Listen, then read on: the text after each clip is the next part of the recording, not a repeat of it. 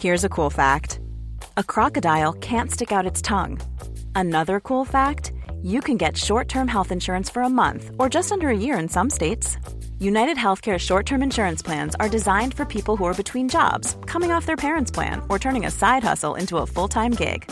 Underwritten by Golden Rule Insurance Company, they offer flexible, budget friendly coverage with access to a nationwide network of doctors and hospitals. Get more cool facts about United Healthcare short term plans at uh1.com. Mother's Day is around the corner. Find the perfect gift for the mom in your life with a stunning piece of jewelry from Blue Nile. From timeless pearls to dazzling gemstones, Blue Nile has something she'll adore. Need it fast? Most items can ship overnight. Plus, enjoy guaranteed free shipping and returns. Don't miss our special Mother's Day deals. Save big on the season's most beautiful trends. For a limited time, get up to 50% off by going to BlueNile.com. That's BlueNile.com. There's never been a faster or easier way to start your weight loss journey than with PlushCare.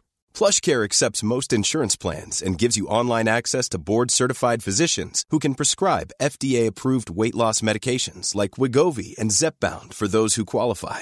Take charge of your health and speak with a board-certified physician about a weight loss plan that's right for you. Get started today at plushcare.com slash weight loss. That's plushcare.com slash weight loss. plushcare.com slash weight loss.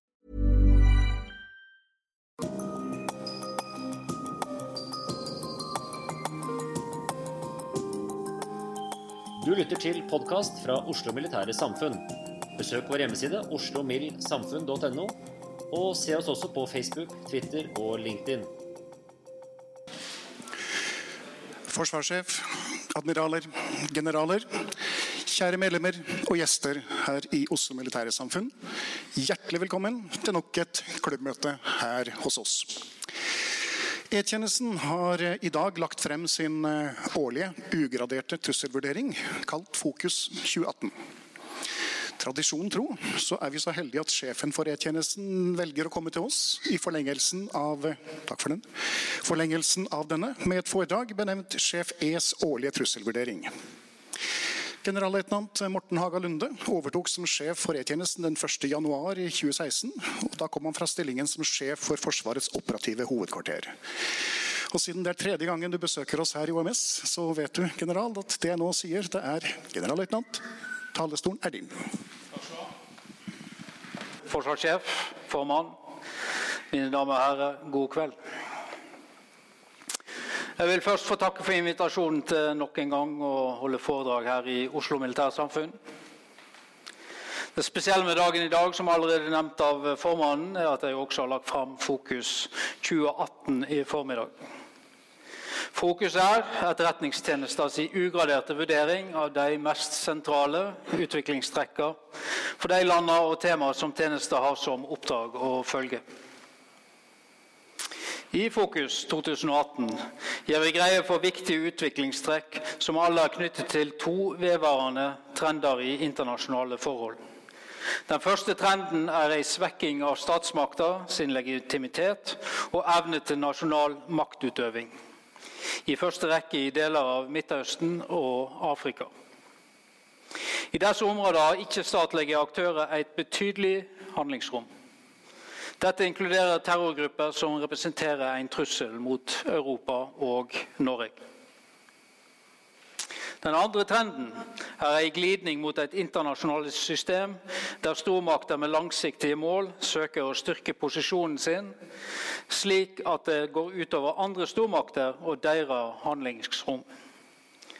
Det blir nytta en kombinasjon av tradisjonelle maktmiddel og mer subtile verkemiddel for å nå disse målene. Verkemidler inkluderer også etterretnings-, påvirknings- og sabotasjeoperasjoner i det digitale rommet.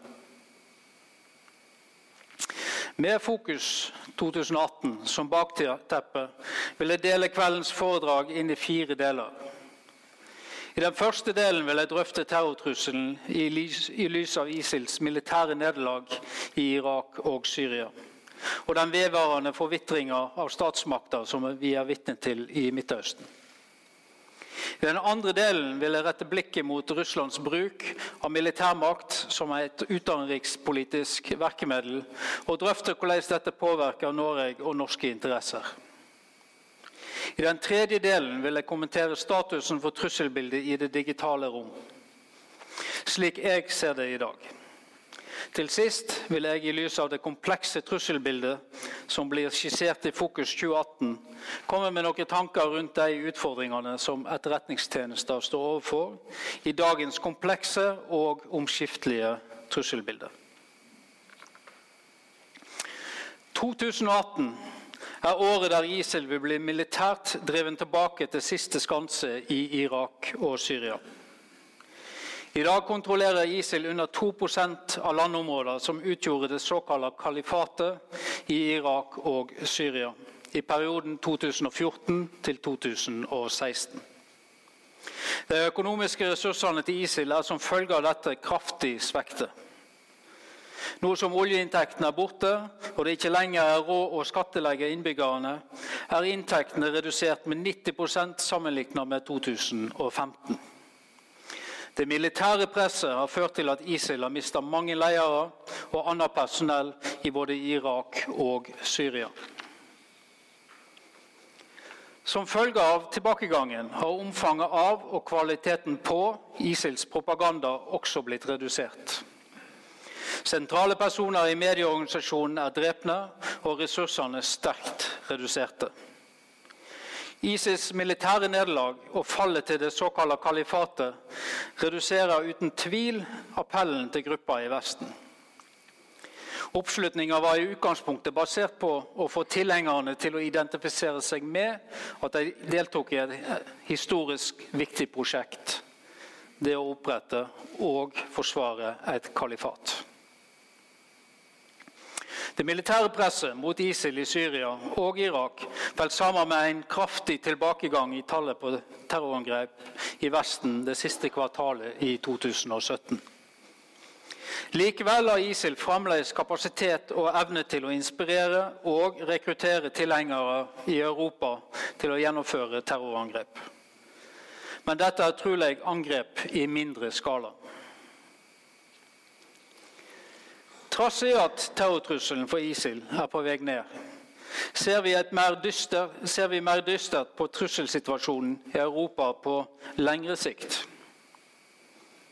Jeg vil for det første understreke at tallet på mennesker som har blitt eksponert for ISILs ekstremistiske propaganda, er stort. Også i historisk sammenheng. Ingen annen konflikt i moderne tid har mobilisert så mange fremmedkrigere. Nettverket av fremmedkrigere med tilknytning til ISIL kan derfor være et utgangspunkt for nye terrororganisasjoner i åra som kommer. Det er usikkert hvor mange fremmedkrigere som fremdeles er igjen i konfliktområdet. Og mange av dem vil ventelig bli drepne i kamp. Jeg regner med at det er om lag 40 med tilknytning til Norge igjen i områdene. Enkelte fremmedkrigere vil forsøke å forlate konfliktområdet og kvinner og barn vil ha størst sjanse til å lykkes. En tilleggsdimensjon som også illustrerer at terrortrusselen i Europa vil kunne vare ved i mange år etter at selve organisasjonen ISIL har mista kraft og appell. For det andre er det viktig å understreke at trusselen for terrorisme her hjemme henger uløselig sammen med utviklinga i Midtøsten. Framveksten av ISIL viste at maktvakuum som oppstår når statsmakter får svekket autoritet og kontroll, kan fylles av ekstreme grupper som i sin tur kan true Europa. Utviklinga i regionen gir dessverre liten grunn til å være optimistisk med tanke på farene for ny uro. Etter sju år med sammenhengende borgerkrig er de underliggende konfliktlinjene og samfunnsutfordringene som førte til ISILs vekst, fremdeles til stede i både Syria og Irak. I Syria har Assad fremdeles makta, mens sunni-araberne i Irak har blitt ytterligere marginalisert. Det er nå opp til sigerherrene i kampen mot ISIL å ta tak i disse utfordringene for å hindre radikale røysler som ISIL i å komme tilbake. I et lengre perspektiv ser stabiliteten i en rekke andre land i Midtøsten mer usikker ut. Sju år etter den arabiske våren er faktorene som bidro til opprøret, fremdeles til stede, og de er jamvel forsterka. Regionen er fremdeles preget av diktatur, vanstyre og korrupsjon. Og de unge opplever å ha dårlige framtidsutsikter i heimlandene sine. Egypt er et av de landene som på ny vil kunne oppleve stor indre uro. Egypt er det mest folkerike av de arabiske landene og det geografiske midtpunktet i den arabiske verden. Historien har flere ganger vist at når regimet brutalt knebler og undertrykker opposisjonen, i første rekke muslimbrødrene, kan dette føre til voldelig radikalisering. Egypt er prisgitt eksterne bistandsmidler og står overfor enorme sosiale utfordringer. Skiljet mellom eliten og de fattige massene vokser. Millioner av arbeidsløse og frustrerte ungdommer er ei kjelde til framtidig destabilisering av landet. Lederskiftet i Algerie, Oman og Saudi-Arabia de kommende årene vil også kunne utløse maktkamper i de styrende elitene. Dette, kombinert med økende politiske, sosiale og økonomiske utfordringer, vil utfordre stabiliteten i de tre landene. Særlig vil jeg advare om konsekvensene av eventuell ustabilitet i Saudi-Arabia. Den unge kronprins Mohammed bin Salman er i ferd med å konsolidere stillinga si som hersker i kongedømmet, og har initiert en rekke politiske, sosiale og økonomiske reformer. Ambisjonene er skyhøye og fallhøyda likeens. Det er, slik vi ser det, en reell mulighet for økt grad av ustabilitet i kongedømmet som følge av reformene. Det eksisterer i dag ingen samlende institusjoner utenom kongehuset. Dersom kongefamilien skulle miste grepet om makta, vil landet stå i fare for å splittes opp langs regionale, sekteriske og klanmessige skillelinjer. Det religiøse sentrumet i den muslimske verden, helligdommene i Mekka og Medina, ligger i Saudi-Arabia. Landet har de største påviste oljereservene i verden, og dessuten et betydelig arsenal av moderne våpen. Om Saud-kongedømmet skulle falle, ville det utløse et skrekkscenario med betydelige regionale og globale ringvirkninger. Samtidig sliter krigsherja stater i Afrika med å etablere territorial kontroll og valgsmonopol. Statsmakter har lav legitimitet over store deler av det afrikanske kontinent. Ikke-statlige aktører får dermed stadig større spillerom i fragmenterte land som f.eks. i Libya, Mali, Sør-Sudan og Somalia. Et siste, men stadig viktigere utviklingstrekk er den økende stormaktsrivaliseringa som nører opp under statsforvitringa i Midtøsten. Regionalt er motsetninga mellom Saudi-Arabia og Iran sterkere enn kanskje noen gang tidligere. Rivaliseringa mellom de regionale stormaktene vil være sentral, en sentral og vedvarende pådriver i mange av de nåværende og mulige framtidige konfliktene i regionen. Vi ser dette i Jemen, Irak, Syria og Libanon, for å nevne noen land. I tillegg ser vi at flere eksterne stormakter involverer seg sterkere i Midtøsten. Kinas engasjement i regionen har vært økende gjennom en årrekke. I 2017 var Kinas første militærbase utenlands etablert i Djibouti, ved inngangen til Rødehavet. Beijing har så langt unnlatt å velge side i konfliktene i regionen. Men tyngre nærvær gjør denne holdninga mer krevende, særlig i forholdet til Iran og Saudi-Arabia. Det russiske engasjementet i den konfliktfylte regionen har økt jevnt og trutt siden 2015, da landet engasjerte seg militært i Syria-konflikten. I sum medfører den økende rivaliseringa en betydelig svekking av stormaktenes tradisjonelle rolle i å hindre konflikter i Midtøsten, og at dette spinner ut av kontroll. For å oppsummere. Trass i at terrortrusselen fra ISIL for tida synes å være på vei ned, er det samtidig en rekke faktorer som indikerer at terrortrusselen mot Europa og Norge igjen kan øke i tida framover. Kombinasjonen av ISILs massemobilisering, sosiale forhold i Europa og faren for vedvarende forvitring av statsmakt i Midtøsten og Nord-Afrika viser at det er en reell fare for en rask og vesentlig øke i terrortrusselen også i åra framover.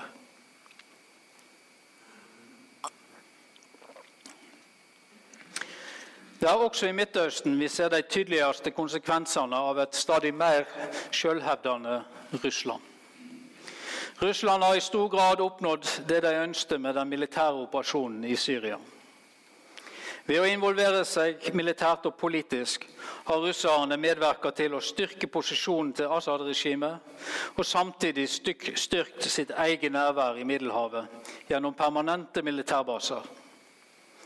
I tillegg har Moskva sett seg i førersetet med tanke på å finne en politisk løsning for Syrias framtid. Russland bruker militærmakt i utlandet med betydelig suksess og med fornya evne til å reagere hurtig og prosessere makt på kraftfullt vis. Styrkene har fått betydelig erfaring med å planlegge operasjoner og gjennomføre militære kampanjer. Både under Ukraina-konflikten og i Syria-operasjonen har Russland demonstrert evne til å koordinere statlige virkemidler mot et bestemt utenrikspolitisk mål. Dette inkluderer evner til å gjennomføre og holde i gang operasjoner over lange avstander. Egenskaper som, vil, være, som vil bli prioritert og videreutviklet i åra som kommer. I 2018 vil Russland bygge videre på det Moskva ser som en vellykka strategi i Syria-konflikten, i utforming, utforming av russisk utenrikspolitikk for framtida. Moskva vil i åra framover søke å ytterligere styrke påvirkningen sin i Midtøsten. Inngåtte avtaler om forsvarsmateriell, energisamarbeid og handel med sentrale regionale aktører som Tyrkia, Iran, Saudi-Arabia og Egypt kan på sikt tjene Russlands militære og økonomiske interesser. Slik kan Russland påvirke den politiske utviklinga både i Syria og i Midtøsten ellers i framtida. Mos, uh, unnskyld, Russlands Midtøsten-politikk er et uttrykk for et mer selvhevdende Moskva som aktivt bruker det økte handlingsrommet som er skapt etter ti år med militær modernisering og utvikling. Denne utviklinga og dette bakteppet er i økende grad viktig for å forstå utviklinga også i våre nærområder. Den strategiske og økonomiske verdien til Arktis gjør at regionen er høyt prioritert av russiske styresmakter. Og det blir stadig tydelig, tydeligere at Russland også her ønsker en lederrolle og kontroll. Russlands primære strategiske interesse i Arktis er, og vil i overskåelig framtid være, militær avskrekking. Noe som også er hovedoppdraget for militærmakta deres på Kolahalvøya. De siste åra har regionen blitt viktigere, også økonomisk. I takt med at potensielle energiforekomster spiller en større rolle. Den russiske regjeringa ser Arktis som Russlands framtidige ressursbase og som en redningsplanke ut av den økonomiske krisa. Slagplanen deres for området er avhengig av at Nordøstpassasjen kan brukes som transportrute for arktisk energi i framtida. Særlig gass fra Jamal-halvøya. Nordområder og Arktis inngår derfor tydelig i Russlands militære moderniseringsprogram. Utvikling av kapasitetene til Nordflåten og oppretning av OSK Nordflåten som egen kommando i 2017, utviding av baser langs den arktiske kysten og innføring av nye langtrekkende konvensjonelle missilsystem er noen av de komponentene som har økt Russlands tryggingspolitiske handlingsrom betydelig.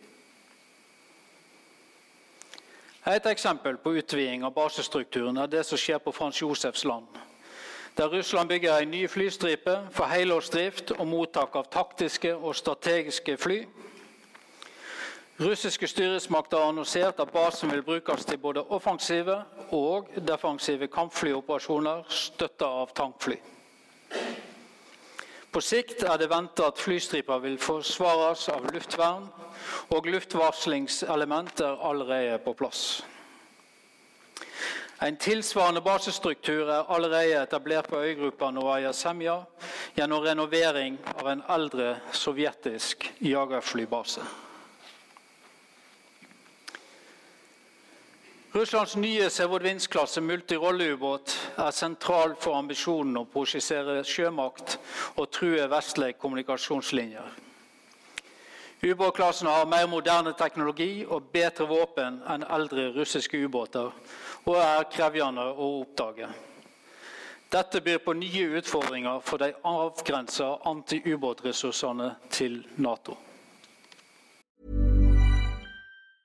Cool fact a crocodile can't stick out its tongue. Also, you can get health insurance for a month or just under a year in some states. United Healthcare short term insurance plans, underwritten by Golden Rule Insurance Company, offer flexible, budget friendly coverage for you. Learn more at uh1.com. There's never been a faster or easier way to start your weight loss journey than with PlushCare.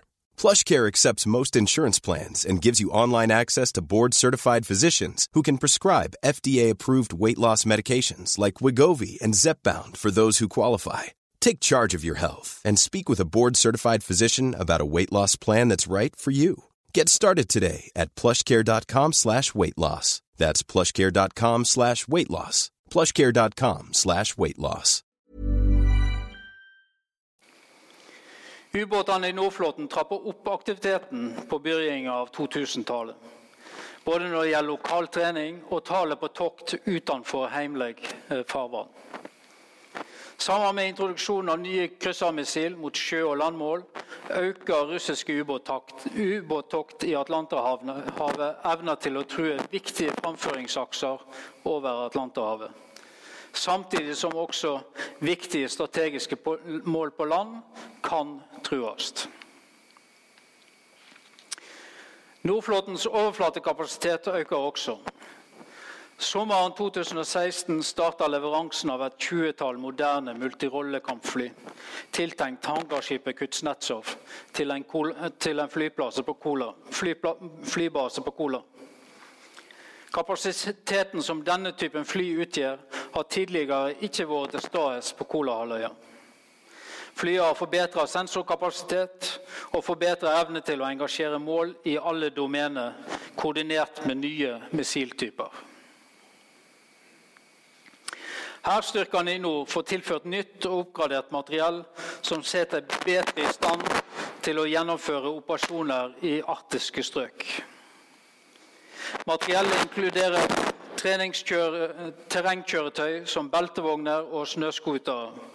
Noe som også øker evna deres til å ta seg fram under ekstreme vær- og klimaforhold. Også den russiske kystvakta blir modernisert tre nye fartøy i 2017 har de fått med tre nye fartøy i 2017 har de fått bedre evne til å være til stede og gjennomføre flaggstatskontroll i nord. Medregna i fiske, fiskevernsoner rundt Svalbard.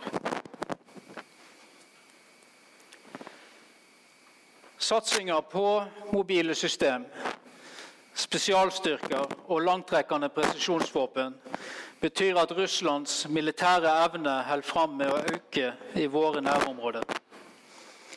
Som Putin annonserte i den årlige talen om rikets sikkerhet sist uke, har Russland planer om en rekke nye og avanserte våpensystem.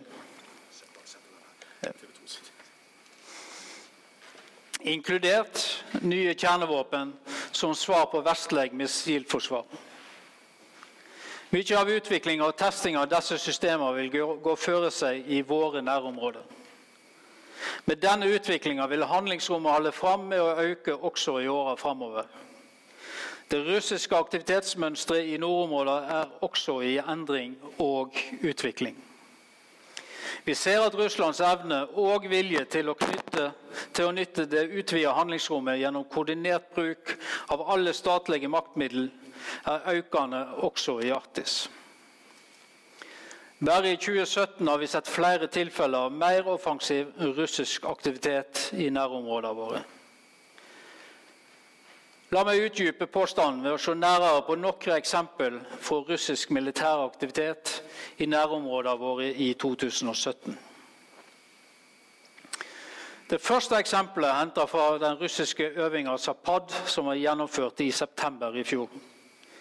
Zapad, som betyr vest, inngår i en serie årlige strategiske øvinger som rullerer mellom de fire militærdistriktene i Russland. Medan Zapad i Kaliningrad og Østersjøregionen stort sett gikk føre seg som annonsert, var det særlig den parallelle aktiviteten i OSK Nordflåten som fanga vår interesse. For første gang etter den kalde krigen overførte Russland større militærforsterkninger til Kolahalvøya. Luftlandestyrker, mekanisert infanteri og missilsystem ble tilført på svært kort tid og med omfattende koordinert bruk av jernbane og flytransport. Avdelingene brukte aktive og passive tiltak for å skjule og beskytte seg, inkludert kamuflasje og narretiltak. Luftlandestyrkene blir regnet som elitestyrker og er kjennetegnet av et høyt treningsnivå. Stor mobilitet og låg reaksjonstid. De kan hurtig overføres og settes inn i et operasjonsområde med fly eller helikopter, eventuelt i fallskjerm. Vi har nå sett det i Petsjengadalen både i 2016 og 2017 i bataljonsforband mindre enn 40 km fra Storskog grensepassering. At disse styrkene nå i økende grad er aktive i nord, må ses i sammenheng med den russiske satsinga ellers i Arktis. Der store avstander og manglende infrastruktur gjør luftmobile styrker svært effektive og relevante. Utviklinga generelt og forsterkningsoperasjoner spesielt bidrar til å styrke Nordflåtens evne til å planlegge, koordinere og leie større og mer komplekse operasjoner enn før. Med Sergej Sjugoj som forsvarsminister er praksisen med ikke-varsla beredskapsøvinger tatt opp igjen og utvida, også for styrkene på Kolahalvøya. Et annet signifikant element i samband med Zapad var at missilsystemet i Skander ble overført til nordområder.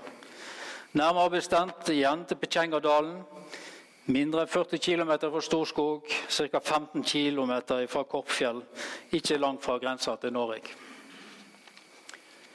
Iskander er et relativt nytt, bakkebasert, langtrekkende presisjonsvåpen med en rekkevidde på rundt 500 km. Russland har ved flere tilfeller flytta rundt på missilsystemet for å markere misnøye. Flyttinga til Petsjenga-området nær grensa til Norge under øvinga i fjor høst gjorde at mål i store deler av Nord-Norge var innenfor rekkevidde til missiler, slik som dere ser på plansjen her. Deployeringa må først og fremst ses i lys av et russisk markeringsbehov, samtidig som viser økt evne til å true viktige mål over store avstander og på kort tid. Tidligere på året deployerte Russland et annet nytt kryssermissilsystem, omtalt som Bastion. Systemet inngår i en serie nye russiske missiltyper som er utvikla bl.a. for å kunne forsvare havområder i nord. Til liks med Iskander har Bastion stor mobilitet og lang rekkevidde. Som vi har sett demonstrert i, Syria, har missilet også evne til å slå ut landmål. Utplassering av begge disse systemer i grenseområder markerer endringer i russisk militær aktivitet.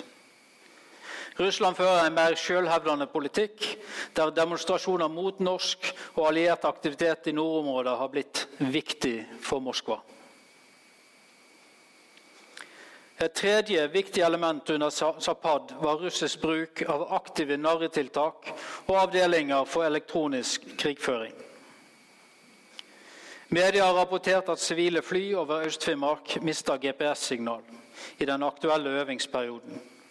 Vi har informasjon som viser at russiske EK-avdelinger var deployerte i øvingsområdet nær Norge. Vi tror at disse avdelingene sto bak bortfallet av GPS-signal over norsk territorium. Russland har satsa betydelig på elektronisk krigføring over flere år og blir vurdert å ha høy kompetanse og stor kapasitet til å forstyrre elektromagnetiske signal. Aktiv bruk av elektronisk krigføring er ett av flere viktige element i en russisk strategi for å degradere, degradere evner til en motstander. Aktiviteten i nordlig retning under Zapad 2017 representerer den største øvinga og kraftsamlinga av russiske styrker i våre nærområder etter den kalde krigen. Dette må tolkes som et politisk signal for Moskva om at Arktis er høyt prioritert i Russland, og at det er høy evne og stor vilje til å beskytte de russiske interessene i nordområdene generelt, og de strategiske kapasitetene til Nordflåten spesielt. Et annet nytt trekk ved aktivitetsmønsteret er mer offensiv russisk framferd i nordområdet. Også dette er med på å endre en normaltilstand så lenge har vært preget av geografisk separert trenings- og øvingsaktivitet, og som svært sjelden tidligere har vært rettet mot vestlig aktivitet i Norskehavet. For under et år siden, den 24. mars, fløy russiske bombefly taktiske profiler mot Etterretningstjenester sin installasjon i Vardø. Bombeflyene med eskorte gjennomførte offensive profiler før de returnerte til baser på Kola. Totalt deltok ni fly i operasjonen, som vist på kartet. Her var det Fencer Echo, Delta og MiG-31 involvert. Tilsvarende har vi i 2017 sett flere eksempel på at Russland har brukt bombefly for å signalisere russisk motstand mot norsk og alliert trening og øving. Den 22. mai 2017 fløy russiske bombefly taktiske profiler på ny mot en Nato-flåtestyrke som opererte i Norskehavet. Bombeflyene med eskorte gjennomførte offensive profiler før de returnerte til ulike baser på Kola. Til sammen deltok tolv fly i denne operasjonen, inkludert MiG-31, Fencer-fly, fullback og backfire.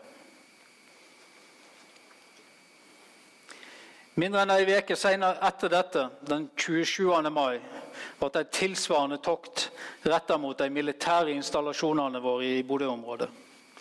Dette skjedde i samband med en større alliert luftforsvarsøving som Norge ledde i samarbeid med Sverige og Finland. Her deltok ni fly i operasjonen, inkludert Backfire, Midas tankfly og Fullback eskortefly. De skisserte utviklingstrekkene ved russisk militæraktivitet vil vare ved i tida framover. Det spente forholdet til Vesten vil fremdeles legge rammene for russisk utenrikspolitikk. Russiske styresmakter mener at Nato styrker eh, at Nato styrker den militære evna si, inkludert utvikling av missilforsvaret i russiske nærområder, og ser det som en hovedtrussel. I sum peker utviklinga av den russiske militærmakta i våre nærområder endringene i operasjonsmønsteret mot en ny normalsituasjon i nordområder der vi ikke kan, framsk eh, kan framskrive utviklinga. Vi venter vedvarende høy militær aktivitet i åra framover, med uvarsla beredskapsøvinger, flyginger langs norskekysten og testing av nye våpensystem i Barentshavet. Dette stiller nye og stadig større krav til etterretningstjenester sin evne til å registrere, forstå og ikke minst føresjå russisk aktivitet og handlingsmønster både i og utenfor våre nærområder.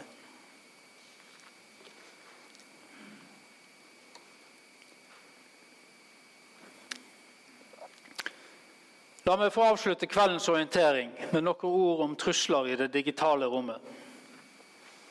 Her hjemme har vi de siste ukene vært vitne til en omfattende kompromittering av datasystemer til Helse Sør-Øst. Så langt samsvarer operasjonene best med interessene og framgangsmåten til en fremmed statlig eller statsstøtta aktør. Etterretningstrusselen mot tradisjonelle mål som utenrikstjenester, det militære forsvaret vårt og, og det teknologiorienterte næringslivet står ved lag. Samtidig har spekteret av mål blitt kraftig utvidet. Akademiske institusjoner, kraft- og energiselskap, telekomleverandører og statsforvaltninger ellers blir utsatt for vedvarende fremmedstatlig etterretningsaktivitet. Helsesektoren er det siste tilskuddet på ei allerede lang liste. Kampanjer og operasjoner med innsamlingsføremål har i flere år blitt retta mot norske styresmakter og virksomheter. Aktiviteten indikerer omfattende ressurser både til utvikling av skadevarer og gjennomføring av operasjoner. Aktørene bygger også opp fordekte nettverk som strekker seg over flere land, og bruker disse til kommando og kontroll, levering av skadevare, rekognosering og uthenting av data. I de siste ukene har våre vestlige allierte USA og Storbritannia skylda Russland for å stå bak NotPetya-angrepet i fjor sommer. Storbritannia har tidligere gått ut og skylda Nord-Korea for å stå bak WannaCry-hendinga i fjor vår. WannaCry var et forsøk på løsepengeutpressing som trolig var sluppet altfor tidlig, eller fikk en mye kraftigere spredning enn trusselaktørene hadde planlagt. NotPetya var derimot et destruktivt angrep på det ukrainske samfunnet, med global spredning som utilsikta bivirknad. Begge sakene viser et potensial for omfattende skadevirknad på IKT-system og hva konsekvenser slike angrep kan få. Det norske samfunnet er sårbart overfor cyberangrep. Utpressing ved hjelp av løsepengevirus kan bli rettet mot system som håndterer store økonomiske verdier eller kritisk, er kritiske for liv og helse. Flere hendinger i Ukraina, spesielt knyttet til strømforsyning og jernbanetransport, indikerer utvikling og testing av cyberkapabiliteter for sabotasjeføremål. Hendingene kan best forklares ved å tolke dem i en militær kontekst. For å være i stand til å forsvare seg mot denne ytre trusselen må en kunne se hele bredda av trusselen i det digitale rommet. I dag blir det nasjonalt bare fanget opp sporadiske forsøk og enkelthendinger i det digitale rommet. Vi er ikke i stand til å se helskapen. Det er etter min vurdering nødvendig med en slags nasjonalradar som fanger opp denne bredda av de digitale truslene som rammer Norge fra utlandet. Et slikt verktøy kan gi et grunnlag for prioritering av ressurser og tiltak for å motverke trusselen proaktivt. Et digitalt grenseforsvar er nettopp en slik radar. Sammen med de andre kapabilitetene til E-tjenester vil dette sette oss i stand til å følge trusselaktørene i utlandet og kartlegge og varsle når trusselen blir retta mot Norge. Forsvarsbegrepet i digitalt grenseforsvar viser til at det dreier seg om å skaffe kunnskap om de mest alvorlige truslene, slik at de kan motvirkes før de materialiserer seg. Grensebegrepet blir nytta fordi digitalt grenseforsvar er retta mot utenlandske trusler og kommunikasjonsaktører. I nettverksoperasjonen mot Helse Sør-Øst hadde E-tjenester konkrete signaturer som kunne fange opp trafikken til trusselaktøren på et tidlig tidspunkt. Men det lar seg ikke gjøre pga. manglende tilgang til grensekryssende kommunikasjon. Trusselaktøren kunne dermed etablere fotfeste og operere uforstyrra videre med, det, med, aktiviteten sin lenge før han ble avdekt. Henninga kunne altså ha vært avverget på et tids, tidlig tidspunkt dersom E-tjenester hadde hatt høve til å bruke kapabilitetene sine til å følge med på den ytre trusselen idet han krysser den digitale landegrensa.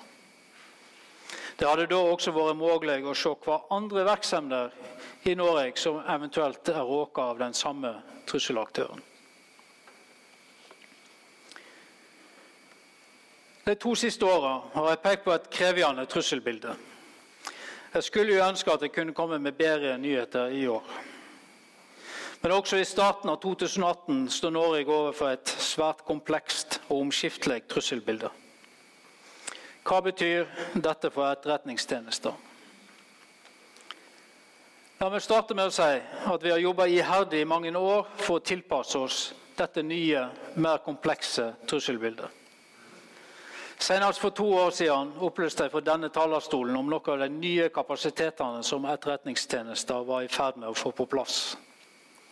Nå, to år senere, kan jeg konkludere med at disse kapasitetene er operative og fungerer i samsvar med målsettingene.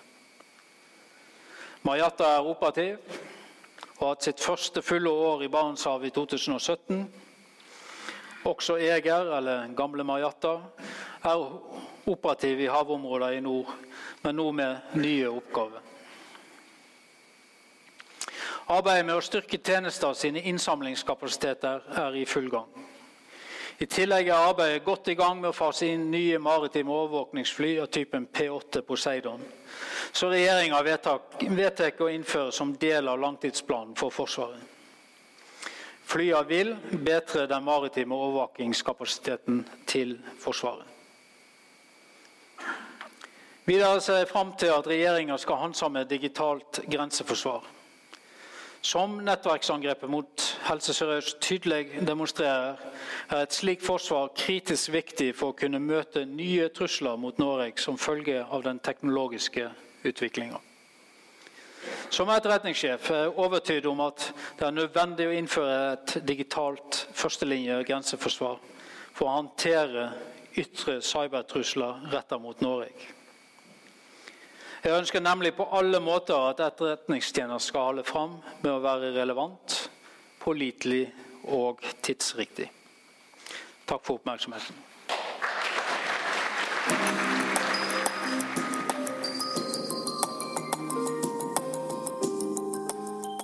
Du har hørt podkast fra Oslo Militære Samfunn. Besøk vår hjemmeside oslomildsamfunn.no, og besøk oss gjerne på sosiale medier som Facebook, Twitter og LinkedIn.